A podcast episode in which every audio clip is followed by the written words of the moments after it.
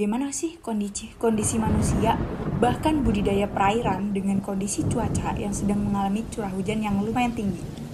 Halo Aqua Friends, welcome back to Aqua Tutur. Aqua Tutur bertutur season 2 episode 16. Balik lagi nih sama aku Setiarum Maulidina dari divisi Multimedia Himakwa Universitas Tidar periode 2022.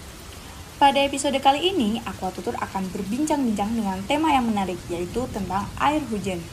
Kita akan membicarakan bagaimana sih kondisi, kondisi manusia, bahkan budidaya perairan dengan kondisi cuaca yang sedang mengalami curah hujan yang lumayan tinggi.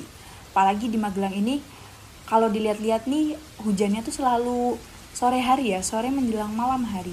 Sehingga jadi kalau malam hari itu lebih dingin suhu di Magelang ini. Indonesia merupakan negara yang beriklim tropis dan Indonesia juga merupakan negara dengan dua jenis musim yaitu kemarau dan hujan. Nah, menurut BMKG itu Indonesia mengalami musim hujan mulai dari bulan September sampai bulan November tahun 2022 dengan perkiraan puncak musim hujan itu pada bulan Desember 2022 sampai dengan Januari 2023.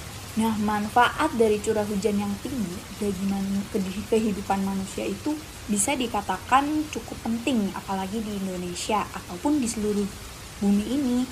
Nah, hujan itu berkaitan dengan siklus air, karena mereka adalah satu kesatuan.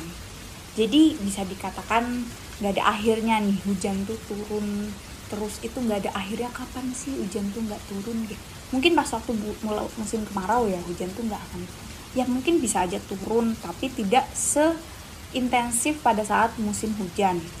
Setiap ada siklus air pasti juga ada hujan. Sebenarnya apa sih siklus air itu?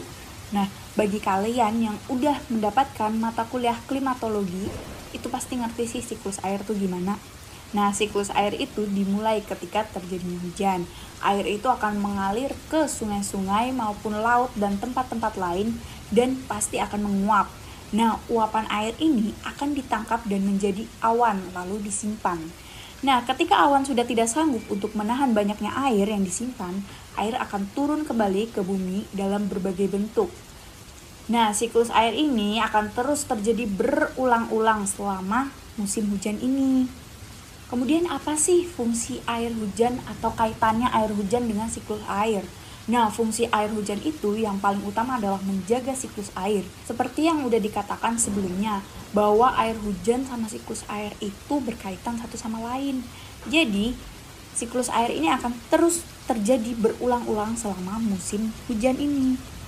Lalu apa sih manfaat curah hujan yang tinggi bagi kehidupan manusia? Beberapa contohnya itu dapat menjadi sumber air dan cadangan air sebelum menghadapi kemarau yang panjang. Jadi pada saat musim hujan itu air itu nanti ditampung. Kalian tuh menampung air yang gak kalian, mungkin beberapa orang itu menampung air supaya pada saat musim kemarau tidak kesulitan mencari air karena sumber air yang minim. Lalu, pada bidang pertanian itu dapat memenuhi pasokan air bagaimana kenapa sih kok bisa memenuhi pasokan air? Contohnya bagi yang petani yang memiliki sawah itu jadi nggak perlu menyiramin satu-satu gitu. Jadi udah disiram sama air hujan aja gitu. Jadi nggak perlu mencari air juga udah ada air hujan datang sendiri untuk menyuburkan tanaman-tanaman mereka. Ada lagi nih contohnya dapat menguntungkan berbagai pedagang yang menjual alat-alat untuk menghadapi musim hujan ini. Contohnya seperti jualan jas hujan, payung.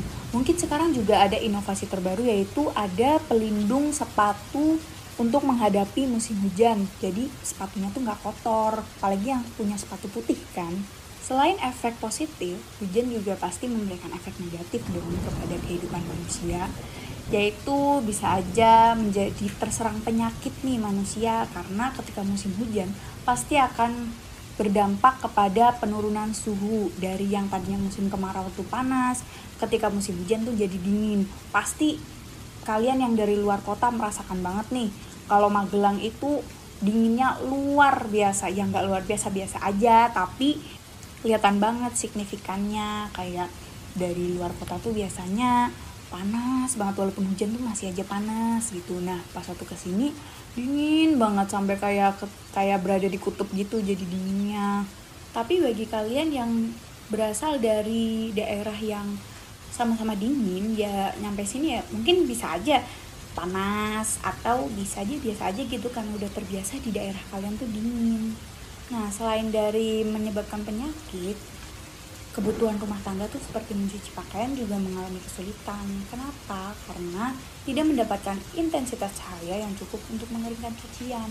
Jadi bisa aja laundryan kalian tuh telat datangnya karena cucian kalian belum kering karena hujan terus seharian nggak berhenti berhenti jadi buat menjemur pakaian tuh agak susah itu beberapa contoh dampak dari musim hujan bagi manusia Nah, selain bagi manusia, hujan juga pasti berdampak dong bagi perikanan, termasuk perikanan budidaya. Proses budidaya ikan di masyarakat tentu kebanyakan dilakukan tuh di tempat yang terbuka, apalagi untuk ikan konsumsi. Tapi untuk ikan hias juga pasti ada sih yang kolamnya tuh terbuka, nggak ada atapnya. Nah, untuk jenis ikan yang kolamnya itu terbuka, dampaknya itu tuh pada perubahan kualitas air. Jadi air itu menjadi lebih asam karena air hujan itu kan termasuknya asam ya. Terus juga bisa juga berdampak pada tingkah laku ikan. Ikan bisa menjadi stres karena air hujan yang masuk ke dalam kolam. Selain berdampak pada tingkah laku maupun kualitas air juga bisa berakibat kepada kematian ikan. Karena hal-hal yang disebutkan tadi jadi panen ikan itu mengalami penurunan karena kualitas ikan yang ikutan berkurang. Nah, dampak yang terjadi pada budidaya ikan salah satunya kan e, karena kualitas air yang menjadi asam nih. Nah, karena kualitas yang menjadi asam, jadi hama dan penyakit itu dapat tumbuh lebih cepat karena kualitas kolamnya juga. Ketika air hujan masuk ke dalam kolam, kolam akan lama-kelamaan dengan intensitas yang cukup sering ya air hujannya kayak seharian nggak berhenti gitu. Nah air kolamnya itu bisa menjadi air asam. Dan ketika kondisi keasaman pada air kolam ini dapat mengakibatkan banyaknya penyakit atau hama yang tumbuh. Karena hama dan penyakit itu tumbuh lebih cepat ketika air itu menjadi asam. Ketika kolam menjadi asam pun ikan itu pasti kebanyakan tuh pada mati karena airnya yang asam jadi ada ikan yang mati karena hujan itu karena satu penyakit bisa juga atau dua tuh karena kondisi airnya itu yang tidak bagus untuk kehidupan ikannya atau yang ketiga itu karena kekurangan oksigen. Kenapa kekurangan oksigen? Di dalam kolam budidaya itu kan pasti ada fitoplankton. Nah, fitoplankton itu yang menghasilkan oksigen karena dia merupakan produsen. Ketika fitoplankton tidak mendapatkan intensitas cahaya yang cukup, maka produksi oksigen oleh fitoplankton pun akan berkurang. Nah, berkurangnya oksigen pada fitoplankton ini juga akan mempengaruhi oksigen untuk ikan. Jadi ikan tuh suplai oksigen untuk ikan tuh tidak tercukupi sehingga ikan juga bisa mengakibatkan kematian.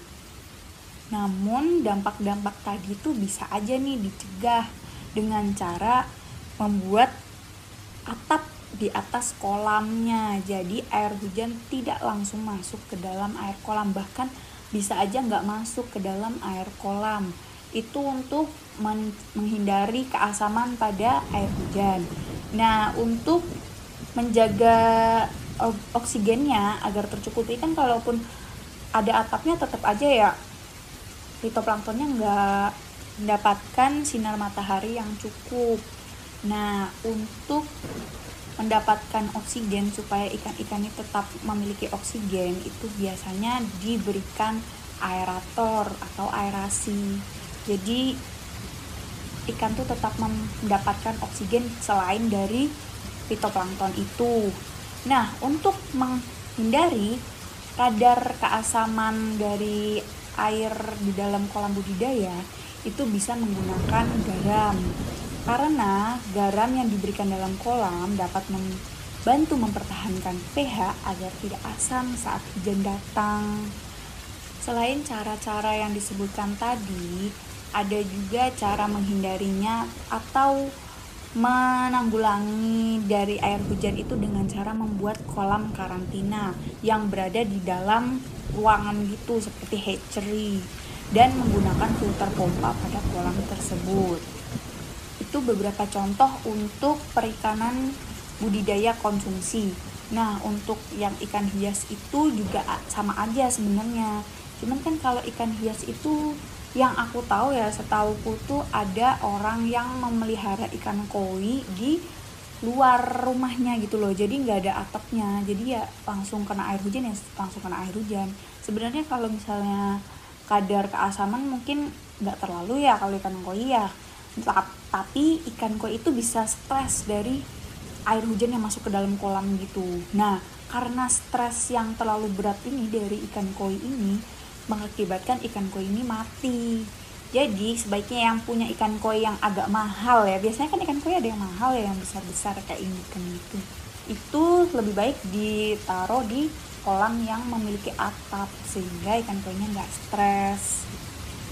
Kan sayang juga ya ikan koi udah mahal-mahal, ditaruhnya di luar kena air hujan malah jadi mati. Tapi tergantung masing-masing orang. Ada juga yang misalnya tetap nggak mau ikan koinya dimasukin ke dalam biar di luar aja supaya memperindah rumahnya itu bisa aja kayak gitu ya mungkin kalau misalnya air hujan mungkin diakalin lah pakai ditutupin kayak kolamnya atau dipindahin dulu ikan koinya supaya ikan koinya nggak mati tergantung dari masing-masing orang nah itu tadi beberapa dampak negatif maupun positif bagi kehidupan manusia maupun budidaya perikanan, air tawar maupun air laut maupun ikan hias dan ikan konsumsi dari dampak air hujan.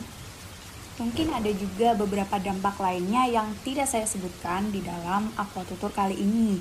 Kalian bisa mencari referensi ataupun bisa membaca-baca dari artikel lain.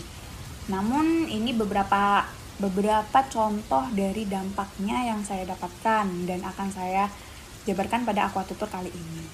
Oke, pembicaraan yang menarik ya pada episode kali ini. Terima kasih kepada Aqua Friends yang sudah meluangkan waktunya untuk mendengarkan Aquatutur episode kali ini. Sekian episode kali ini, tetap jaga kesehatan dan tetap semangat. Ada gemuruh tak tentu, untayan nada tak karuan, tapi dia mampu gemericik bersama kenangan. See you in the next episode. Bye bye.